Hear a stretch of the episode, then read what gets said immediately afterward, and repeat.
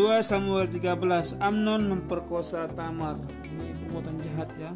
Sesudah itu terjadilah peristiwa berikut. Absalom putra Daud mempunyai seorang adik yang cantik namanya Tamar Amnon putra Daud jatuh cinta kepadanya ini ini kawannya ini ada adiknya hati Amnon sangat merana sampai-sampai ia sakit karena Tamar saudara tirinya sebab ia seorang perawan dan menurut Amnon sulit untuk mendapatkan melakukan sesuatu terhadap dia.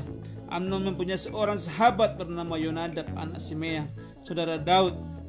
Yonadab seorang yang sangat cerdik. Ia berkata kepada Amnon, Hai anak raja, mengapa engkau demikian merana setiap pagi?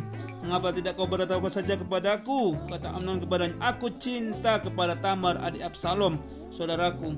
Lalu kata Yonadab kepadanya, Berbaringlah di tempat tidurmu dan berpura-pura sakit Apabila ayahmu datang menengokmu, hendaklah kau katakan kepadanya, Izinkanlah adikku Tamar datang dan memberi aku makan. Izinkanlah ia menyiapkan makanan di hadapanku supaya aku melihatnya dan menerima makanan dari tangannya. Sesudah itu Amnon berbaring dan berpura-pura sakit. Ketika raja datang menengok dia berkatalah Amnon kepada raja, Izinkanlah Tamar adikku datang membuat beberapa kue di depan mataku supaya aku menerima makanan dari tangannya. Lalu Daud mengirim pesan kepada Tamar di rumahnya, Pergilah ke rumah Amnon saudaramu dan siapkanlah makanan baginya.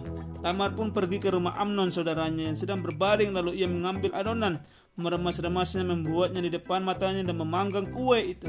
Setelah itu ia mengambil kue kuali dan menaruh isinya di depan di depan Amnon tetapi Amnon tidak mau makan dan berkata, "Suruhlah semua orang keluar meninggalkan aku." Lalu keluarlah semua orang meninggalkan dia. Kemudian Amnon berkata kepada Tamar, "Bawalah makanan itu ke dalam kamar supaya aku menerimanya dari tanganmu." Tamar mengambil kue yang dibuatnya itu lalu membawanya kepada Amnon, saudaranya ke dalam kamar. Ketika gadis itu menghidangkannya menghidangkan kepadanya supaya ia makan, ia memegang erat gadis itu dan berkata kepadanya, Marilah tidur denganku adikku. Tapi ia berkata kepadanya, Jangan abang, jangan perkosa aku sebab perbuatan itu seperti tidak boleh dilakukan Israel. Jangan lakukan hal keji ini. Ke mana akan kubawa aibku? Engkau akan dipandang sebagai seorang keji di Israel. Jadi bicarakanlah dengan raja. Tentu ia akan menolak, tidak akan menolak engkau memberikan aku kepadamu. Tapi Anon tidak mau mendengarkan perkataannya. Ia lebih kuat daripadanya, maka ia memperkosanya. Kemudian Amnon merasa sangat benci kepadanya. Bahkan kebencian dirasakan lebih besar daripada cinta yang dirasakannya katanya. Kata Amnon kepadanya, bangunlah, enyalah, berkata gadis itu kepadanya. Janganlah begitu, sebab menyuruh aku pergi lebih jahat daripada apa yang telah kau lakukan kepadaku. Namun Anon tidak mau mendengarkan dia.